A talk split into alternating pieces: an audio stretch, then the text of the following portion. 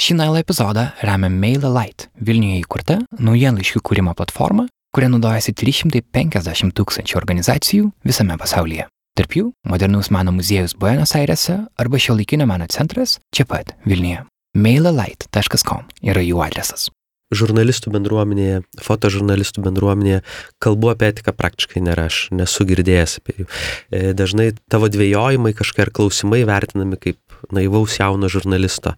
Šiandien mes būsime tie naivūs jauni žurnalistai, kurie nori diskutuoti apie žiniasklaidos etiką, tema, kuri gali skambėti be galo nuobodžiai, bet kuri Mano nuomonė tai yra turbūt pagrindinė problema Lietuvo žiniasklaidoje.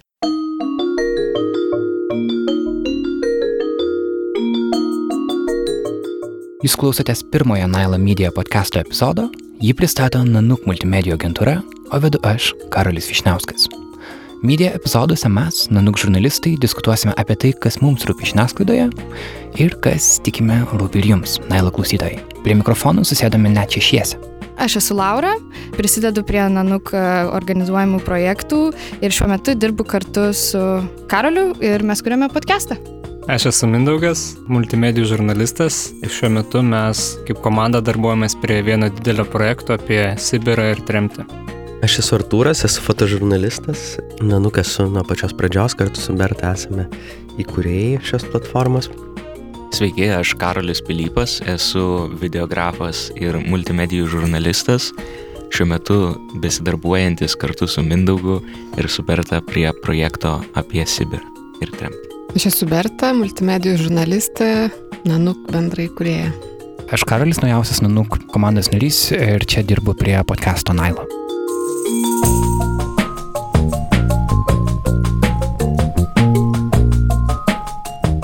Mes daug kalbėjome apie fotožurnalistikos situaciją, taip tarsi pratesdami praėjusios savaitės epizodą su fotožurnalistu Tomu von Uitryp, bet vėliau perėmė prie apskritai žiniasklaidos sistemos veikimo ir kodėl dabartinė sistema ne visada tarnauja skaitytojams ir patiems žurnalistams.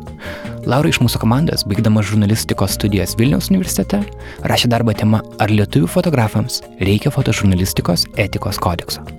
Jie apklausė šimtą Lietuvos spaudos fotografų ir štai ką įsiaiškino. Pagrindinis dalykas, kurį aš galėčiau išskirti, tai yra tai, kad fotožurnalistai Lietuvoje etiką supranta kaip asmeninės moralinės normas, tai yra tai, ką jie mano, kad yra gerai ar yra blogai, e, nesuprasdami, kad e, ne tik moralinės ir asmeninės normos yra reikalingos, bet taip pat ir tam tikros taisyklės, tam tikras pagrindas, nuo kurio fotografas gali atsispirti darydamas tam tikrus sprendimus savo darbe. Ir kita didelė problema, kuri išryškėjo, tai yra tai, kad fotografai nusikrato atsakomybės, nes daugelį redakcijų Lietuvoje vyrauja redaktoriaus etika, kažkokios nerašytos taisyklės, arba pats redaktorius liepia daryti vienokius ar kitokius dalykus e, fotožurnalistam ar spaudos fotografam ir visiškai nesvarbu, ką jie mano, ar tai prasilenkia su etikos normomis ar neprasilenkia, jie tiesiog turi vykdyti jiems duotus nurodymus, nes kitaip jie neteks darbo. Ir iš tiesų daugelis fotografų save supranta kaip sraiktelius vienoje didelėje sistemoje ir kuomet mes kalbam apie jų atsakomybę, jie vengia priimti tai, kad iš tikrųjų tie sprendimai priklauso nuo jų, o sako, kad tiesiog aš darau tai, kas man yra liepta. Tai matydama tiek daug didžiulių problemų ir pati su jomis susidurdama savo darbe, aš nusprendžiau, kad e, būtų labai naudinga apie tai pakalbėti ir būtent apie tai pakalbėti ne tik e, tarp savo kolegų, bet iš tiesų tą diskusiją kažkaip ištraukti į viešumą ir supažindinti skaitytojus ir žiūrovus ir apskritai žiniasklaidos vartotojus su šitom problemom, kurios man atrodo yra labai svarbios, nes iš to tuomet kyla nepasitikėjimas žiniasklaida. Tai va, tai čia gal šiek tiek e, tokia įžanga apie tai, e, kodėl man tai yra svarbu. O dabar gal e, man būtų iš tiesų įdomu sužinoti, kaip kiekvienas iš mūsų supranta etiką ir, ir žurnalistikos etiką. Tai Mindaugai, kaip tu supranti žurnalistikos etiką?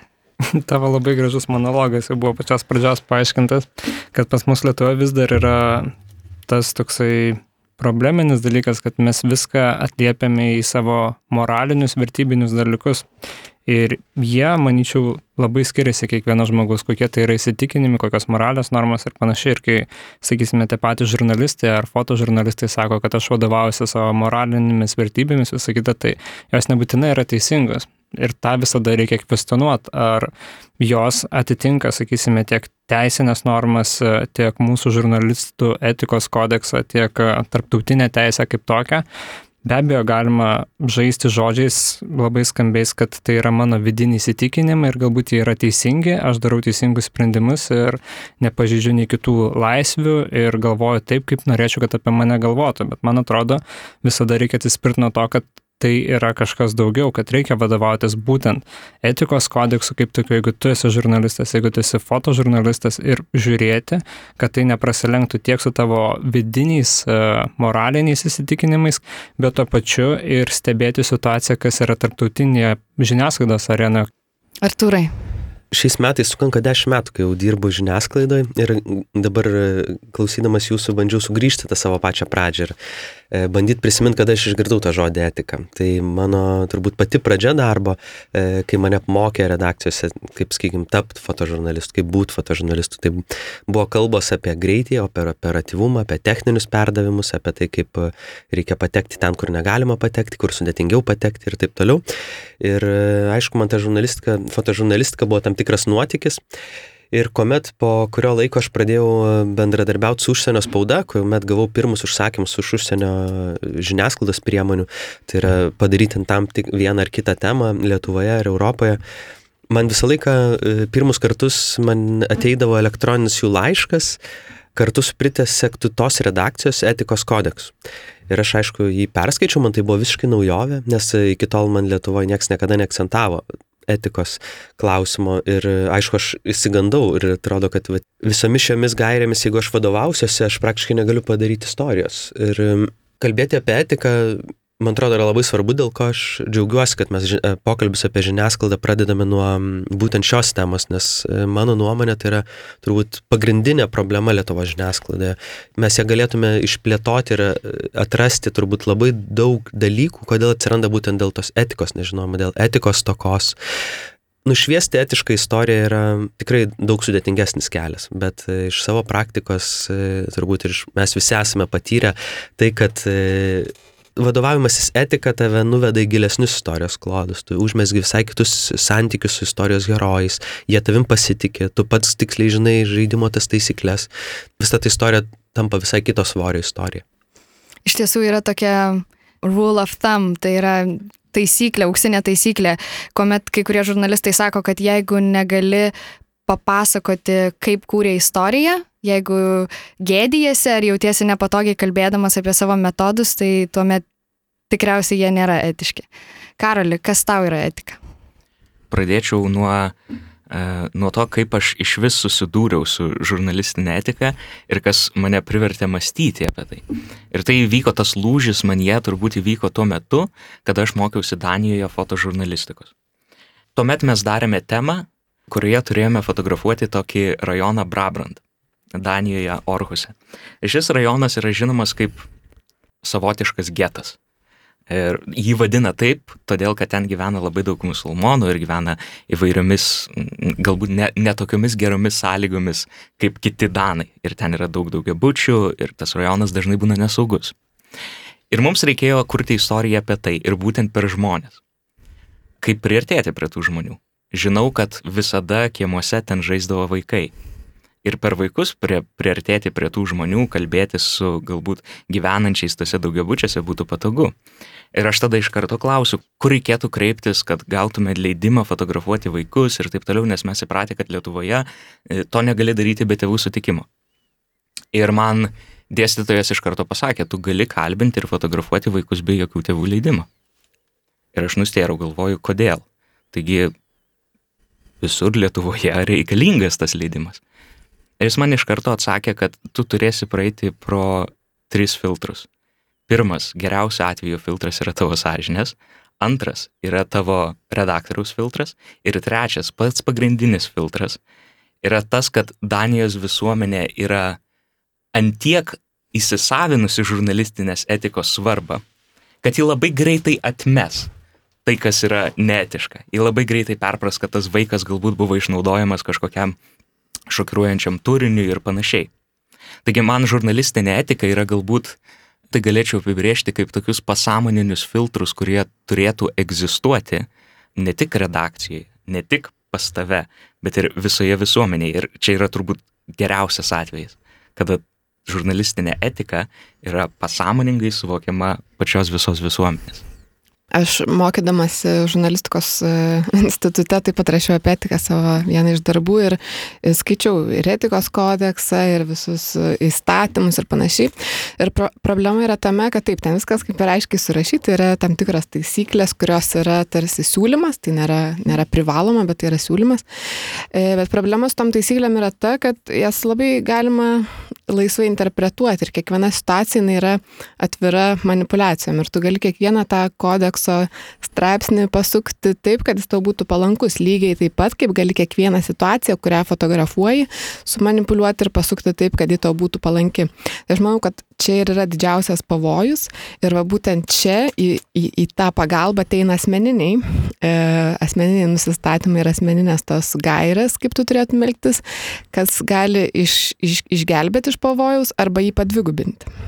Tai reiškia, kad jeigu tu sumanipuliuosi pagal etikos kodeksus ir pagal savo asmeninės nuostatas, e, tai tada ta situacija bus iš tikrųjų dvigubai blogesnė, e, bet tu tarsi rasi jai pasiteisinimą ir galbūt net nesigėdisi apie tai kalbėti ir pasakoti, ką tu Laura sakai, kad jeigu gėdėsi, tai gal jau negerai. E, galbūt net nesigėdisi, nes tu rasi viskam pateisinimą. E, problema greičiausiai būna tada, kai e, fotožurnalistas ar žurnalistas nori, kad istorija būtų tokia, kokia jisai nori, kai jis nėra atviras pačiai istorijai ir kai jis nori ją pakreipti taip, kaip jam patogiau arba kaip jis yra iš anksto uh, nusistatęs, kad jinai bus. Tada va ir prasideda manipulacijos, pakreipimai istorijų ir kodekso netgi sava linkme, taip kaip būtų patogu.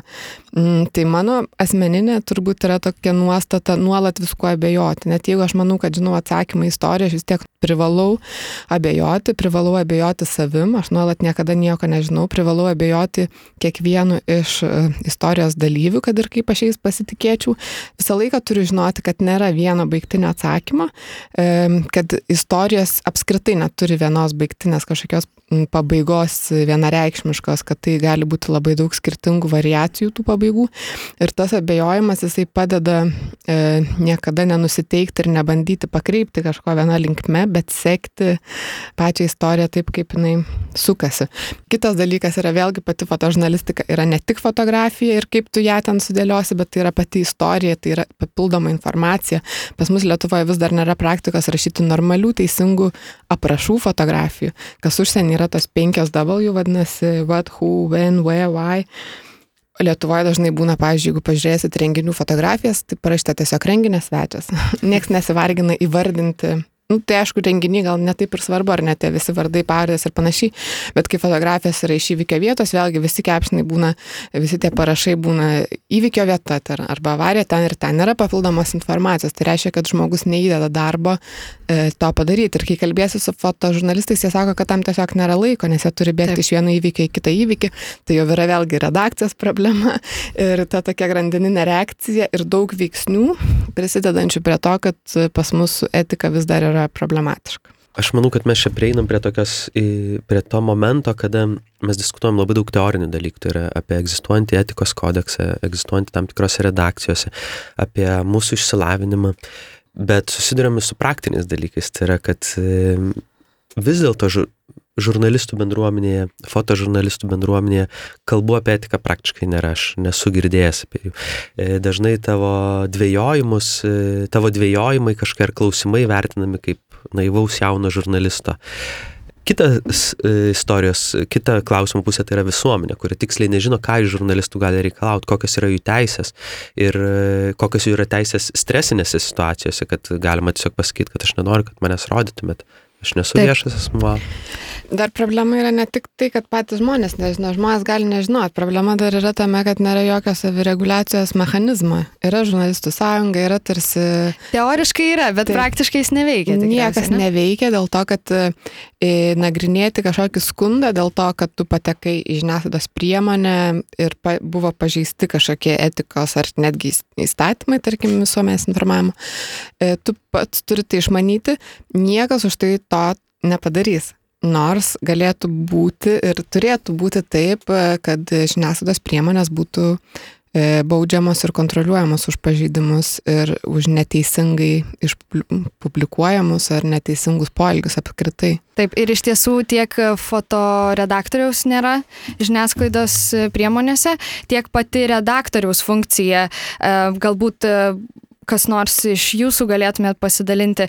Nes tarkime, jeigu mes susidurėm su etinė problema ar ne darbe ir tarkime, mes su Mindaugu kūrėme projektą e, Digeris, mes iš tiesų netgi nedirbame konkrečiai jokiai žiniasklaidos priemoniai, mes buvom freelanceriai tuo metu, kada mes darėm projektą ir prieš publikuojant projektą žuvo mūsų pagrindinis herojus mūsų istorijos. Ir iš tiesų, kam skambinti ir su kuo kalbėtis tokiu klausimu ir ką daryti.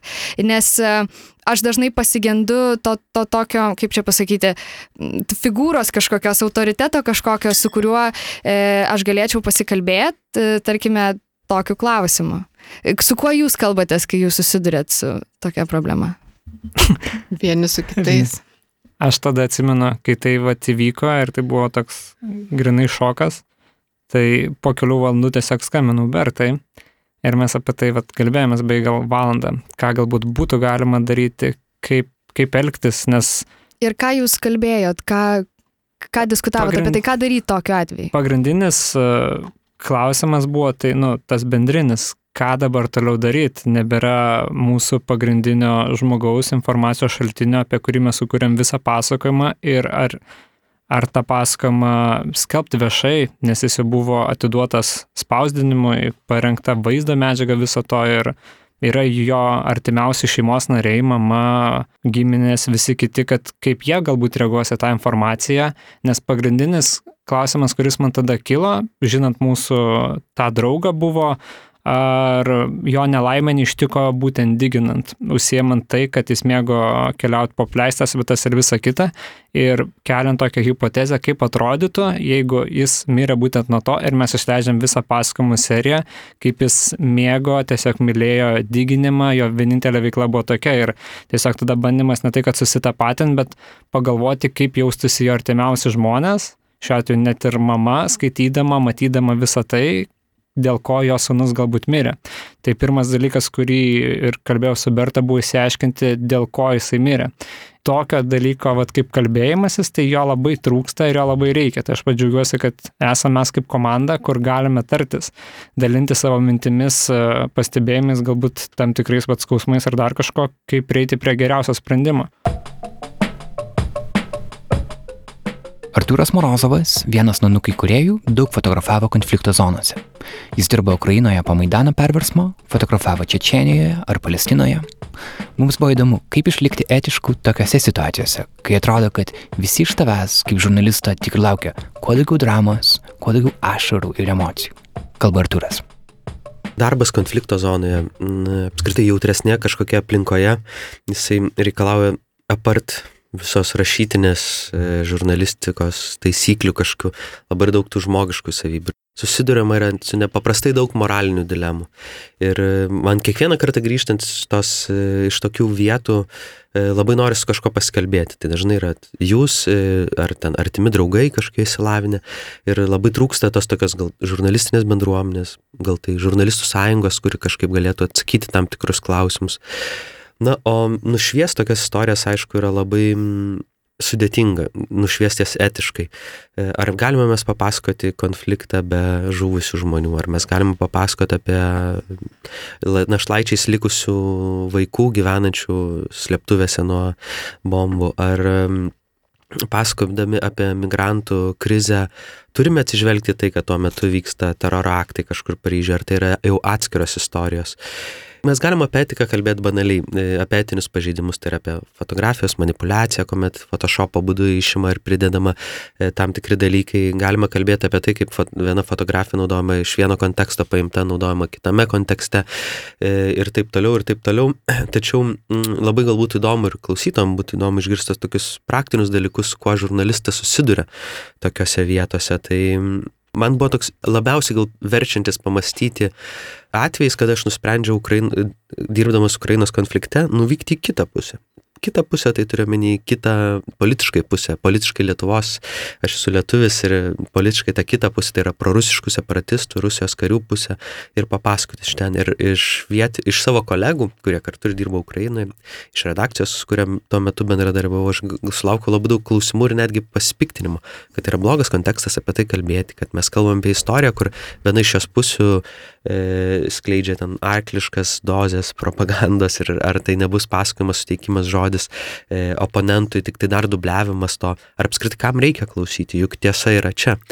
Tai čia mes kalbame apie labai sudėtingas manipulacijas, kada žurnalistai, fotografai, sakykime, pradeda nušvietinėti tik vieną pusę, pradeda rodyti atvaizdus tik tai vienos pusės žmonių, taip skaitytojas ar žiūrovas susitapatina su tais, sakykime, vaikinais, kurie kovoja ir, ir tokie patys vaikinai yra ir kitoje pusėje.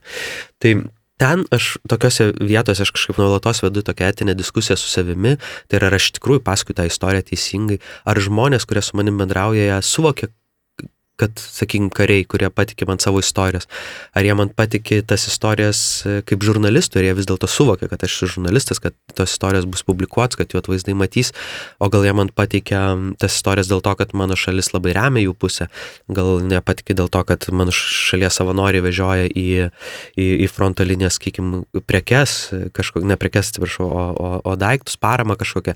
Ir, sakykim, Lietuvoje dirba be žurnalistai Ukrainoje, dauguma jų vyko būtent su humanitarinė humanitarinę pagalbą. Ir man teko sutikti tokių karių, kurie nesuprato, kad tai buvo, kad su jais kalbėjo žurnalistai, kad jiem atvežė, davė kažkokių daiktų, jie pakalbėjo, pasidalino, parodė pozicijas, o aš po kelių dienų atvažiuoju su žurnalistiniu pažymėjimu ir sakau, kad aš čia norėčiau pafotografuoti, papasakoti ir sako, ne, ne, čia karinis paslaptis, negalime tau sakyti, negalim išduoti tapatybių, čia karinė paslaptis yra visi apkasai ir sakai, bet vad prieš tris dienas išėjo mano kolegų straipsniai ir sako, kas, tai čia tie ten, vaikinai, kurie atvyko su humanitarinė pagalba, tai buvo žurnalistai. Tai labai svarbu yra aplinkai būti būt skaidriam. E, ką, ką tu, Laura, prieš tai sakei, e, skaidrumas ir objektivumo sieks. Tai yra, kad e, visi aplink tave žinotų, ką tu darai, nemanipuliuoti jokiam emocijom, nediktuoti skaitytojui ir žiūrovui kažkokio emocinio fono, neapgaudinėti skaitytojo ir žiūrovo ir aišku, išvykus iš ten nepalikti nesusipratintusių, įskaudintų kažkokių žmonių. Bet tas emocinis diktavimas iš tiesų pas mus Lietuvoje labai vyrauja tikriausiai.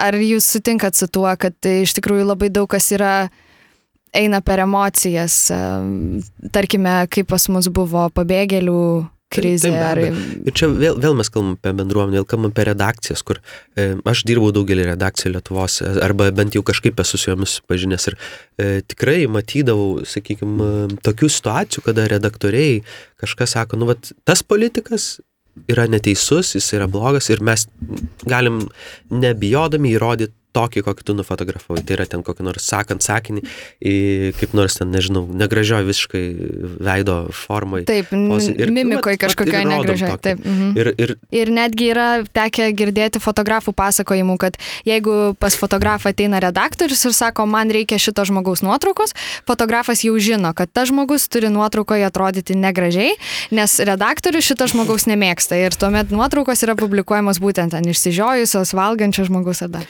Man atrodo, kad pas mus tai yra problema tame, kad e, iš tikrųjų labai daug kas e, būtent eina tokiu labai paviršutinišku lygiu, tokiom kažkokiom keistom, netgi, tarkim, spaudos fotografų konkursai, jeigu pažiūrėsit netgi laimėjusias nuotraukas, ten dažnai jos yra kažkokios komiškos, e, kažką pašiepiančias, nebūtinai kažkokios giliosnės prasmės ieškant, bet m, mm, tas pats spaudoje, jeigu atsiversti ir matysi taip, kažkokie žmonės bus vienaip nufotografuoti, kažkokie kitaip, viskas einama labai paviršutiniškais sprendimo būdais pašiepti kažką, iš kažko pasijuokti, e, kažką parodyti taip, kaip tu nori ar nenori, e, nesigilinant į nieką. Ir tai yra turbūt tai būtų galima įvardinti kaip ir profesionalumą, tam tikrą trūkumą, kad vadovaujamasi emocijom, o ne profesionaliai žiūrima į viską, kaip ką rodyti ir kaip apie ką kalbėti. Iš kitos pusės, e, tarkime, patys fotografai, kiek man teko matyti, kaip fotografai dirba Lietuvoje, tai jie turi tiek daug darbo ir yra, jie taip yra užspausti, kad jie tiesiog per dieną nuo ryto iki vakaro laksto nuo vienos vietos prie kitos, net nežinodami, kur jie atvažiavo. Jie atvažiuoja į vietą ir tada jie apsiklausinėja kolegų, tai kur mes čia esam ir kas čia dabar bus. Nes jie yra tiesiog perkrauti darbu. Tai iš tiesų ir, ir tų žmonių tuomet yra trūkumas, kada vienas fotografas turi nufilmuoti video, Instagramui nuotraukas padaryti ir dar foto ten kažkokį reportažą. Tai jau ką be kalbėti apie aprašus, informaciją, su, surinkimą ir visą visa kita. O tai tokios tai detalės jos gali būti nepaprastai svarbios. Sakykime, aprašų, aš dar vat, grįšiu prie Bertos prieš tai pasisakyto apie aprašų netikslumus. Mes kalbame ne tik apie faktinės klaidas, mes kalbame apie, mm, sakykime, man taip pat turėčiau pasiremti užsieniečių pavyzdžių. Sakykime, viena redakcija labai įdomiai buvo sudėliojus tą aprašų etiką. Tai yra, kad jeigu tu matai kirtimų, e, sakykime, taborė dažname narkotikų platimo punkte penkis vyrus, tai negali būti aprašas toksai, ką aš labai labai dažnai matau e, e, Lietuvos spaudoje, narkomanai stovi tabai. Arba e, prostitutė stovi gėlių gatvėje. Tu nesi teisininkas, tu nesi policininkas ir tu nežinai, ar jie yra narkomanai. Ir tu turėtum, tas aprašas tada turėtų skambėti taip. Vyrai pastebėti e, stoviniuojantis toje vietoje, kur dažnai renkasi ten narkotikus vartojantis asmenys. Ir, ir, ir yra tokių atvejų, kada iš tikrųjų žmogus patenka ten visiškai atsitiktinis. Čia vėlgi tas, ką aš sakiau, kad tu pats turi nuolat abejoti tam tikrą prasme. Niekad negali teikti, ko tu šimtų procentų nežinai, nors pas mus žurnalistai mėgsta sakyti, aš tikrai žinau, aš tam praleidau daug metų ir tikrai žinau, kad jie yra narkomanai arba jos yra prostitutės, bet tu neturi jų vardų, tu ne, nežinai jų uh, asmeninių istorijų, tu neklausi jų klausimų ir jos tau to nepatvirtino. Net jeigu tu ir matei kažką arba gali daryti prielaidą, taip ir turėtum sakyti, jog tai yra prielaida ir arba tai yra ta vieta, kur dažniausiai renkasi tokie žmonės, bet kad tai nėra tokie žmonės, kad pas, pas mus irgi esu mačius, kad kalbant apie, apie pabėgėlius, pažiūrėjau, rašo, e, tiek ir tiek iš šių merginų bus parduotos e, ir taps prostitutėmis.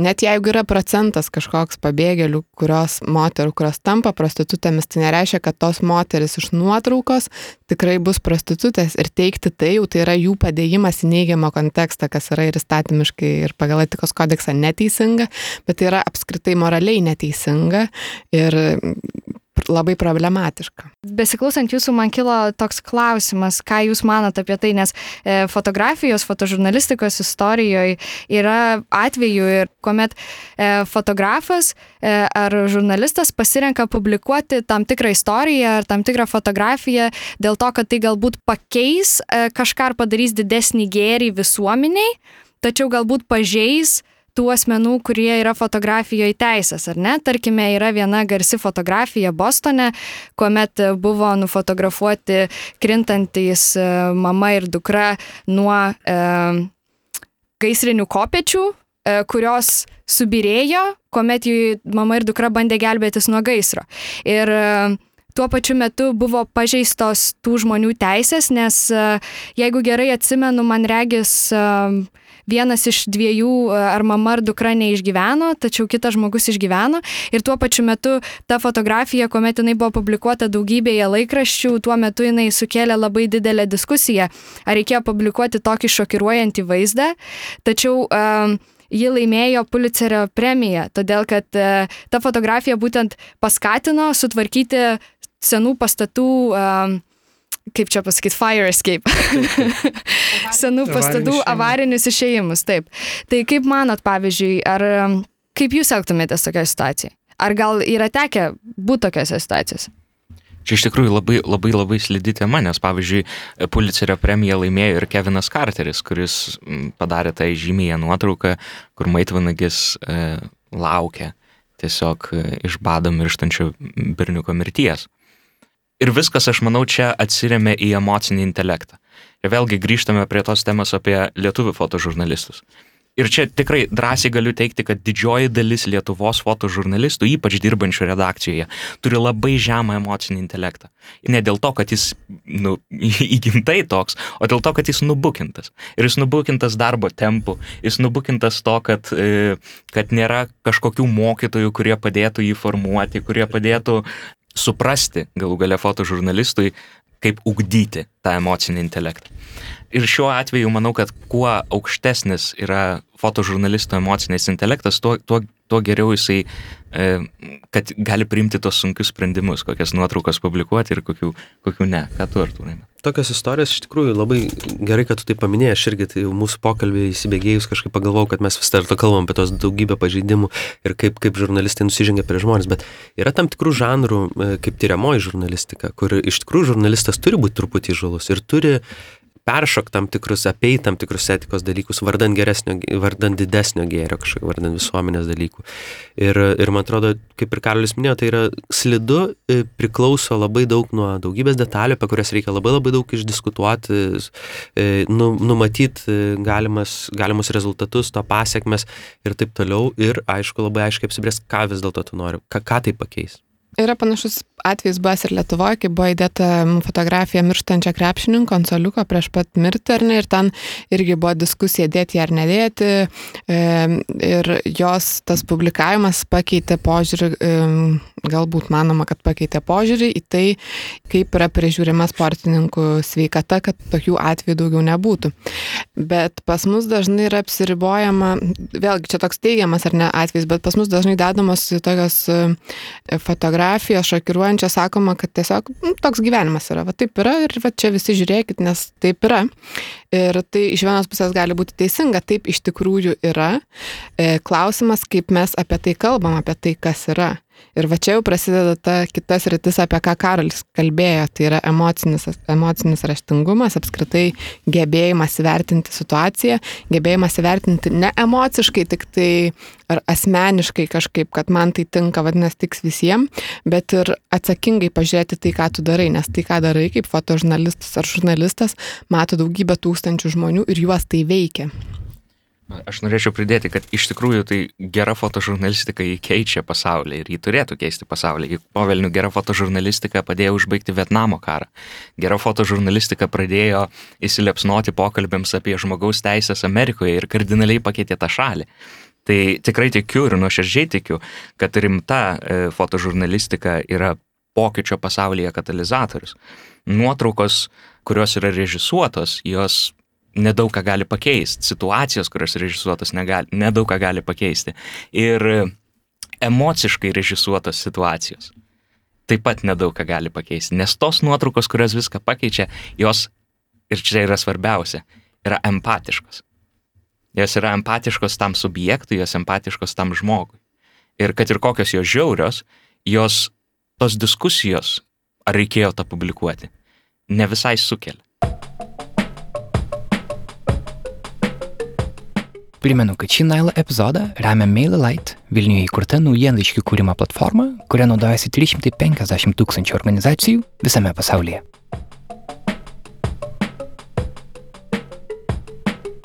Diskutuoti apie žiniasklaidos etiką geriausia per konkrečius pavyzdžius, kuomet ji buvo pažįsta. Taip geriau suprantame, kaip nedaryti. Mindaugas prisiminė vieną visuomenėje plačiai aptartą atvejį. Tai buvo prieš metus nuskambėjusi istorija, kai laida Srovės nufilmavo siužetą ir ištransliavo anonsą apie tai, kaip iš degančio namo afekto būsena išbėga moteris rėkinti, nes jo vaikas, jos vaikas buvo degantis, atrodo, jeigu gerai istoriją prisimenu. Keli vaikai berot. Keli vaikai lyg ir. Ir mintis buvo ta, kad tai buvo ištransliuota ir pasakyta, kad va, tai būtent toks gyvenimas ir mes rodom realybę tai buvo srovių kudabinės citata, kad mes rodom toks, koks yra gyvenimas. Ir tada žurnalistai visuomenę šiuo atveju šiek tiek sukruto, galvodama apie tai, ar tai tikrai galima taip rodyti dalykus. Tu norėjai kažką pridėti, Artūrai? Noriu gal pridurti, gerą irgi palėtė čia tokį niuansą, kad e, mano manimu dar, ką reikėtų labai taip e, turbūt akcentuoti, kad Yra ir kita problema, kad kiekviena, kiekvienas žmogus su kamera, kiekvienas žmogus su fotoaparatu arba tą žmogų, kuris pasirodo eteryje, mes įpratę vadinti žurnalistu ir žurnalistų pristatyti, fotožurnalistų yra labai madinga ir populiaru. Vis dėlto, man atrodo, jeigu mes atskirtume daugelį laidų kaip e, farai, kaip srovės, kaip ten 24 valandos, sakykime, mūsų daugybę, e, nežinau, viešųjų veidų kažkokių Facebooko, e, Facebooko kažkokių ekspertų, taip pavadinamų, numestume nuo jų žodžius žurnalistai, viskas labai daug paaiškėtų. Aš niekada, pavyzdžiui, su Roviu ar Faru nevertinu kaip žurnalistų, nors mes kalbam tai apie žurnalistinę ten realybės dokumentiką. Nu, Problema tai... tame, kad viskas, kas yra rodoma per televiziją, yra įvardinama kaip žurnalistai ir žmonės, kurie veda kokią nors kakadų laidą, yra įvardinami kaip žurnalistai. Tai, va, ir tai, tai kalbame problema. tada apie įvaizdį žurnalistų, kur, pavyzdžiui, aš labai dažnai susiduriu su to, kad kaip į mane neigiamai žiūrime, reikia pereiti labai daug, pramušti labai daug sienų, kad žmogus tavim pasitikėtų. Kitas dalykas yra, ką Mindaugai minėjai, kad toks va yra gyvenimas ir taip rodom, tai manau, kad e, mesgi nerodom. Šiaip visų gyvenimo dalių ir aspektų ir va būtent žurnalisto darbas, atsakingo žurnalisto darbas ir yra atskirti, kurias gyvenimo tas dalis ir aspektus rodyti, kuriuos svarbu ir būtina rodyti, o kur tiesiog tą ir palikti pačiam gyvenimui, kad galbūt užtenka, kad tai vyko, bet nebūtina to rodyti ir apie tai kalbėti arba pasirinkti kitą būdą, nebūtinai e, rodant ir nebūtinai rodant, tai labai atvirai, e, kaip apie tai kalbėti. Ir tai yra gerokai sudėtingiau negu paleisti tiesioginę transliaciją iš įvykio vietos, e, rasti būdų atsakingai, etiškai, atsargiai kalbėti apie dalykus, kurie yra sudėtingi, skaudus ir, ir sunkus. Man argumentas, kad toks gyvenimas yra, tai yra pats praščiausias, koks galėtų būti. Jisai toks neva turėtų tą žurnalistą apsaugoti ir pasakyti, kad viskas yra gerai, ką aš darau, bet na, taip nėra. Čia lygiai tas pats kaip ant Tauro kalno, dar mums studijuojant susisprogdino paauglys mhm. ir buvo įdėta nuotrauka kaip kačiukas to vaikino pirštą ar dar kažką nešasi, kas yra nusiaubinga. Aš Taip. neįsivaizduoju, ką būtų mane, jeigu tą nuotrauką pamatė artimiai žmonės. Ji po to buvo lyg ir išimta, Taip. bet dar ilgai internetuose tiesiog leidžia, bet, nu, va, tai yra siaubingas ir pavyzdys. Ta nuotrauka yra ir aš iš tiesų apie šitą nuotrauką, kuomet aš rašiau savo bakalaurinį darbą, aš tą nuotrauką susiradau, rasti ją yra nesunku, nes kas nors ją tikrai turės, ar e, tu ją kažkaip pasigūglinęs gerai rasi. Tai iš tiesų ta nuotrauka vis dar internete yra. Ir kitas įdomus dalykas yra tai, kad tas žmogus, kuris tą nuotrauką padarė, man netrodė, kad jis nori kalbėti apie tą nuotrauką. Ir dar vienas, viena problema yra tai, kad e, internete dabar žiniasklaidos priemonės jaučiasi labai laisvai, nes jos labai paprastai gali kažką įkelti ir tada labai paprastai gali kažką išimti. Ir tada mes įsivaizduojam, kad lyg ir nieko nebuvo, nors žala jau yra padaryta. Ir tuomet nėra vėl jokio atskaitomumo į žiniasklaidos priemonės, kaip tarkime The New York Times, kurie, tarkime, jeigu jie kažką publikuoja, kas buvo neteisinga, tai jie tai akivaizdžiai nubraukia arba prideda kažkur tai... Atsiprašymą, paneigimą. Taip, ar prideda atsiprašymą ar paneigimą, kad, kad jie arba kokią nors žinutę, kad jie pataisė kažkokią informaciją, ar ne, kuri buvo publikuota. Bet žiūrėkit, dėl ko tai vyksta, kažkaip va, norisi va, viską taip nukelt, gal klausytojai pažvelgti viską iš, iš fotografo akių, kuris turbūt nubėgo, e, vedamas adrenalino į tą įvykio vietą, kur iš tikrųjų tvyrojo tada, kiek paminu, nežinomybė ir, ir, ir, ir daugybė buvo versijų. Padarė tą nuotrauką, jis grįžo į redakciją, redakcijoje turbūt supolė visi kolegos, pažiūrėjo tą nuotrauką, buvo visi šokiruoti, e, redaktorius turbūt jam per petį patapšnojo ir pasakė, kad šaunu. Ir įdėjo tą nuotrauką internetą. Ta nuotrauka internete redakcijai buvo peržiūrėta daugybę kartų, jie dalinosi, labai daug kas e, dalinosi turbūt dėl to šokiruoti, apie, šokiruoti to įvykio. Bet niekas nekalbėjo apie etinę pusę. Ir turbūt ir kas, kas turėtų paleikšti kokias nors pretenzijas jaunuolio šeima, kuri tuo metu išgyveno efekto būseną, kuri buvo sukresta, tikrai ne, nesiteis dėl tos nuotraukos kažkokiam ten bėgės, sakykim, kelių ten savaičių. Ir tai tampa tam tikra norma. Ir tai tampa žurnalistas, fotografas, tuo atveju tarsi padarė labai gerą darbą ir jis net nebejojo, kad gavo premiją. Ir mano atveju taip pat buvo tokių atvejų. Nebuvo, taip, aš taip pat buvau jo vietoje, gal, aišku, nesukraupiais tokiais dalykais, bet ant, nu, fotografavus politiką kažkokia nepatogėja. E, nu, nepatogioje e, situacijoje e, ir pamenu, kad tą mėnesį e, nušvetinėjau, sakykime, užsienyje vieną temą, kurią labai didžiavausi ir padariau kvailą politiko nuotrauką, kuri buvo viena iš ten e, istorijos dalių. E, kitos istorijos ir už, būtent už tą politiko nuotrauką gavau premiją, kuri buvo visiškai, ta nuotrauka niekinė, tai yra tiesiog, kad politikas, kuris nepatinka redakcijai, buvo parodytas kažkokia nepatogia, jokingoje situacijoje, iš kurio ten dalinos, tyčiasi. Tai labai sunku apie tos dalykus kalbėti, kada nėra bendruomenės, nėra savireguliacijos, kada, kada žurnalistų sąjunga nekelia klausimų, kada... Ir iš tiesų patys žurnalistai, kaip tu sakai, nėra bendruomenės, mes patys irgi nekeliam klausimų vieni, vieni kitiems, ar ne? Mes Taip. nekvestionuojam Ir- vieni kitų O jeigu keliam, tai tikrai va to atveju prie Tauro kalno, kuris įvyko, Jo. tai žurnalistai klausė, wow, kaip tu, kaip tu ten atsidūrė, ka- kaip čia pirmas atvažiavai ir kokiu jautrumu tavo fotoaparate buvo nustatytas šitas ir kokio objektyvų fotografavai. Ir galų gale e, dar tas klausimas, kad jeigu tu pradėsi kvestionuoti kolegos darbą, tai jis įsižeis ir sakys, kad tu jau nebe draugas, jam ir ne kolega. Skis nebūk naivus, ką tu čia nori Taip, padaryti. pas mus ta problema apskritai yra kalbėjimo, kritikos prieimimo, nes jeigu tu kažką kritikuoji, reiškia nepalaikai, jeigu nepalaikai, vadinasi, esi prieš mane nusiteikęs arba e, dar kažkoks, nėra tokios, vėlgi, profesionalios, objektyvios tam tikrą prasme e, diskusijos, kritikos vie- vieni kitiem, e, vieni kitus pasveikint, patapšnot per petį ir pagirt, e, labai paprasta yra, labai greitai tą galima padaryti, visi bus draugai patenkinti, laimingi ir panašiai. Bet pakritikuoti kažką ir pakvestionuoti kažką yra negerai, nes visi tai labai asmeniškai priima. Ir tada yra problema.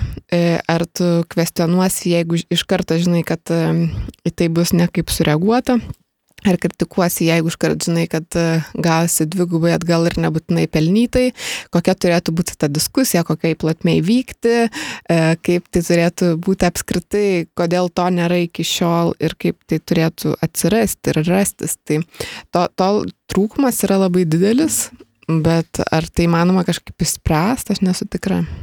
Šitą klausimą man irgi norisi iškelt, nes aš jį neturiu atsakymų. Ir įdomu, kaip jūs galvojate. Štai čia, tarkim, mūsų kaip šešių žurnalistų buvimas a, prie vieno stalo jau yra tam tikra diskusija. Kita vertus, mes visi irgi galbūt panašiai žiūrime į pasaulį ir čia labiau um, galima sakyti, kad e, nepakviečiame, tarkim, tų pačių žurnalistų, kuriuos mes galbūt kritikuojame, ar ne? Mes tarsi bandome jų, jų akimis pažiūrėti, bet tai vis dėlto nėra tas pats. Kita vertus, kur rasti tą terpę, kalbėtis apie žiniasklaidą Lietuvoje čia, čia yra didelis klausimas, nes Facebook'e buvo sukurta tokia grupė žiniasklaidos simptomai, berots vadinasi, ir tai atrodė labai gražu, daug ten virš tūkstančio žurnalistų arba žiniasklaidos darbuotojų joje yra.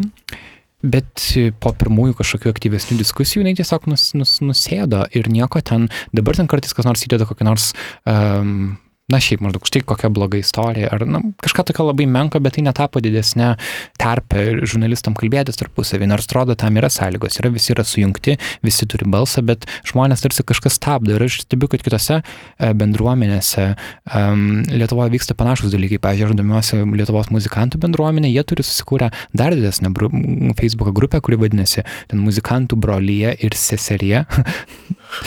pavadinimo e, galim, galim e, nekvestionuoti, bet esmė ten yra dar virš kokio 4000 grojančių žmonių, e, klausančių muzikos, atrodo, galėtum tiek daug visko padaryti, bet realiai ten buvo gal keletas tokių diskusijų rimtesnių apie realiai muzikinę situaciją Lietuvoje, visi pasakė, kad nieko čia mes nepakeisim ir tiek. Ir tada viskas, ko dabar ta diskusija, ta grupė yra virtus, kad kas nors įdeda savo grupės ten demo, visi kiti parašo, žinok, žiauriai šudiniai skamba. Vis, ta prasme, tai tokio lygio diskusija. Ir aš galvoju, kažkas yra daugiau. Arba nėra tikėjimo, kad gali būti kitaip ir dėl to galvoju, kad kažkaip beprasmiškai čia kalbėtis, arba nėra kažkokio iniciatyvinės grupės, kuria apie tai kalbėtus.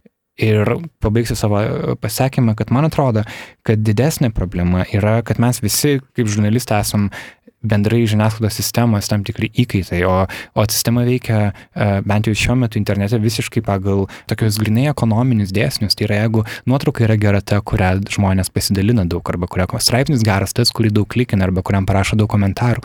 Tu gali padaryti gerą medžiagą, sakys, aha, daug darbo idėjai, bet nelabai skaitė, žinok. Kitaip tariant, tai, kad tu laikais etikos tavęs nepadaro, uh, tavo piniginės nepastorina.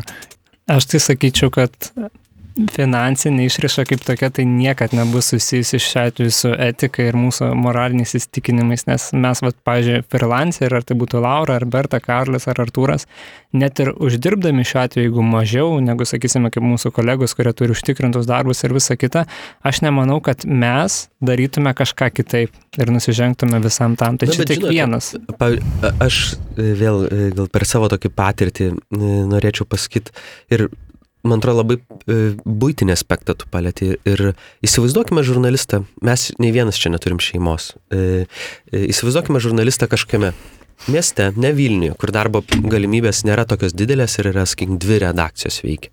Įsivaizduokime žurnalistą, kuris turi šeimą, kuris turi paskolas ir aš puikiai įsivaizduoju ir matau, kaip jam yra patogu žurnalistiniai, gyventi tokio žurnalistiniai bendruomeniai, kada mes neapsisunkinam kažkam etikom. Niekas iš kolegų to nekritikuoja. E, nėra nieko e, iš aukščiau, kas kritikuotų to. Mes kalbam apie fotoreporterius šį pokalbį. Tai yra apie žmonės, kurie dirba, nu, sakykime, netokioje aukštoje grandyje žiniasklaidos, bet mes pakalbėkime apie labai įtakingus redaktorius, apie įtakingus e, žiniasklaidos savininkus, kurie e, žiniasklaida taip pat vartoja tam tikriam interesų konfliktam, vis dar yra tokių visokių interesų poveikius daryti. E, ir, ir, ir tai yra didžiulis labai mechanizmas tad tas būtinis aspektas, man atrodo, jis yra labai labai svarbus. svarbus ir apie tai reikia kelt klausimus, ir reikia labai tikėta jauna karta, kuria, kuria, kuria negali remtis autoritetais tų, sakykime, vyresnių žurnalistų. Man atrodo, kad jie Lietuvos, man atrodo, kad reikia labai, Lietuvoje labai daug trūksta autoritetų, kad jaunas žmogus paklaustų paprasto, e, sakykime, vyresnio už save, e, profesionalų žurnalisto tokių klausimų, kuris, kaip tu išgyveni dirbdamas laisvai samdomą darbą, kaip tu, va, tą, ką mes kalbam šiandien iš principo. Taip, nes iš tiesų vyresnioji karta dar dirbo ir su juostiniais fotoaparatais, ar ne, ir dar e, ir sąjūdį išgyveno, ir kada žiniasklaida tapo nepriklausoma, tai viskas labai labai staigiai pasikeitė ir nebuvo jokių taisyklių ir žmonės nelabai žinojo, ką su jie daryti. Ir vienas fotografų, man labai patiko, kaip jis pavadino tą laikotarpį laukiniais vakarais, nes tu publikavai viską, ką norėjai, kaip norėjai ir, ir tiesiog, nu, viskas buvo vis visiškai kitaip negu dabar. Ir dabar, man atrodo, mes pamažu pradedam atrasti tam tikras taisyklės, normas, mes žiūrim į, tarkime, užsienio praktikas ir mes po truputėlį mokomės, bet jauni žmonės, kurie dirba dabar, man atrodo, jie yra tam tarpiniam variante, nes jie yra spaudžiami senos tvarkos ir, taip sakant, senų autoritetų ir, ir tos redakcijos politikos, kuri yra jau susiformavus, bet iš kitos pusės jie turi savo kažkokius naujus idealus. Iš tikrųjų, pradžiai užtektų man atrodo, atvirumo ir tai nebūtų kažkokia tragedija, griūtis žiniasklaidos ar dar kažko. E, labai daug situacijų, kurios, tarkim, pasauliniai žiniasklaidai e, buvo tokie skandalai, išsiaiškinus kažkokias klastotės, manipulacijas, fotografiją ir panašiai, jų nebūtų buvę, jeigu žurnalistai ir fotožurnalistai viską būtų pasakę atvirai. Tai yra surežisuota fotografija, iliustratyvi fotografija, tai yra aš sumokėjau tam žmogui, kad padaryčiau tą fotografiją ir panašiai.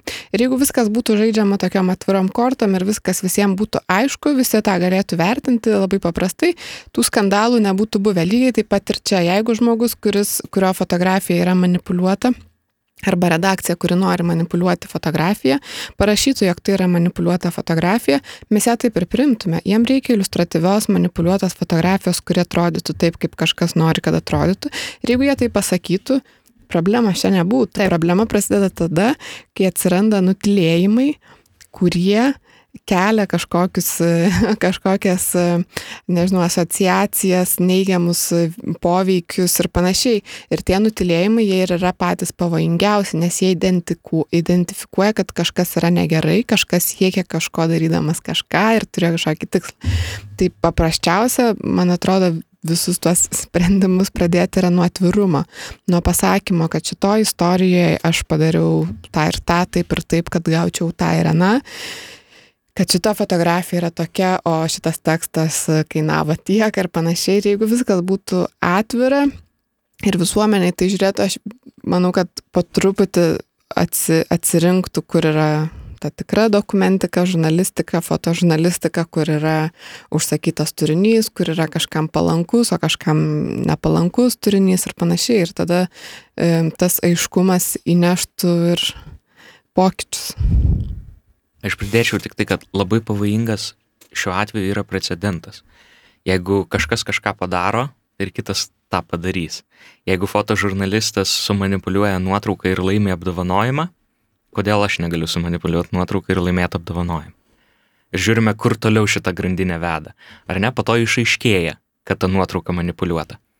Kad ir World Press Photo nugalėtojas sumanipuliavo nuotraukomis. Kas tada nutinka? Tada skaitovai nebetiki fotožurnalistiką. Kada jie nebetiki, jinai nebėra reali ir jinai nebeturi galimybės kažką keisti. Ir kada žmonės nebetiki realybę, o iš tikrųjų taip ir yra, žmonės nebetiki fotožurnalistais ir nebetiki žurnalistais. Pavyzdžiui, yra toksai e, fotožurnalistas amerikietis Michael Camber, kuris jisai, jisai dirbęs Irake, jisai dirbęs Afganistane, visose karštuose taškuose ir jisai neseniai 2015 metais darė didžiulę parodą, kur pristatytos visos žymios manipuliuotos fotografijos nuo 1990 metų iki Krymo karo besitęsiančio. Ir jo tyrimuose e, darytose apie manipuliuotas fotografijas ir kaip, kaip žmonės tas manipuliuotas fotografijas supranta, išaiškėjo, kad net ir išsilavinę žmonės kaip daktarai, e, teisininkai, advokatai, jie visi sako, kad žurnalistai meluoja. Jie sako neties. Ir tuo atveju ne, nelabai galima teisti ir lietuvius, kurie dažnai sako, kad žurnalistai vagis ir taip toliau. Ir kas nutinka, kada žmonės nebetikė tą realybę, kurią pasakoja žurnalistai. Jie nori hiperrealybės. Jie nori šoko. Jie nori žiaurumų. Ir mes iš tikrųjų gyvename tokiame amžiuje, kur hiperrealybė yra labai labai išsikerojusi. Mes žiūrime žiaurius serialus. Mes žiūrim Game of Thrones, ne? Natūralu, faina, bet tai yra žiauru. Tai yra hiperrealybė. Ir tada visa žurnalistika, viskas, kas rodoma žurnalistikoje, pradedama priimti kaip, kadangi tai yra netiesa, tai tegul tai būna geras spektaklis. Ne? Ir tai yra irgi labai pavojingas mąstymas. Bet čia kita tema.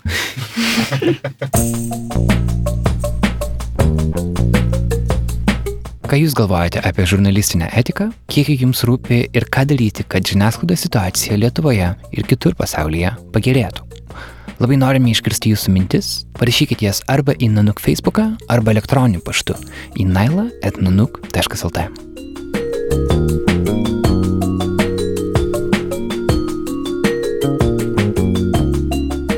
Ačiū, kad buvote kartu pirmajame Naila Media podcast'o epizode. Tokie epizodai bus rečiau nei kartą per mėnesį, bet jų tikrai nepaleisime. Nes apie žiniasklaidą kalbėti yra oho kiek daug. Mums kaip žurnalistams tai yra be galo įdomu ir mes tikimės, kad jums irgi buvo įdomu. Naila kūrimą remia ir patys klausytojai, jūsų jau yra 37, ačiū jums visiems ir ačiū naujausiams remėjams, Dainiui Urbanavičiui ir Romui Zabarauskui. Jeigu norite prisidėti prie rėmėjų ir jūs, padarykite tai Patreon platformoje Mūsų profilis yra Nanuk Multimedia kaip vienas žodis. Naila muzikos autorius ir garso režisierius yra Martinas Gailius, laidą vedžiau ir redagavau aš, Karolis Višniauskas. Ankstesnių epizodų įrašus rasite naila.lt arba jūsų telefono podcastų programėlėje. Sustiksime kitą ketvirtadienį, tada bus prasidėjęs žmogaus teisų filmų festivalis Nepatogus kinas, paruošėme interviu su vienu svarbiausiu jo svečiu. Iki. thank you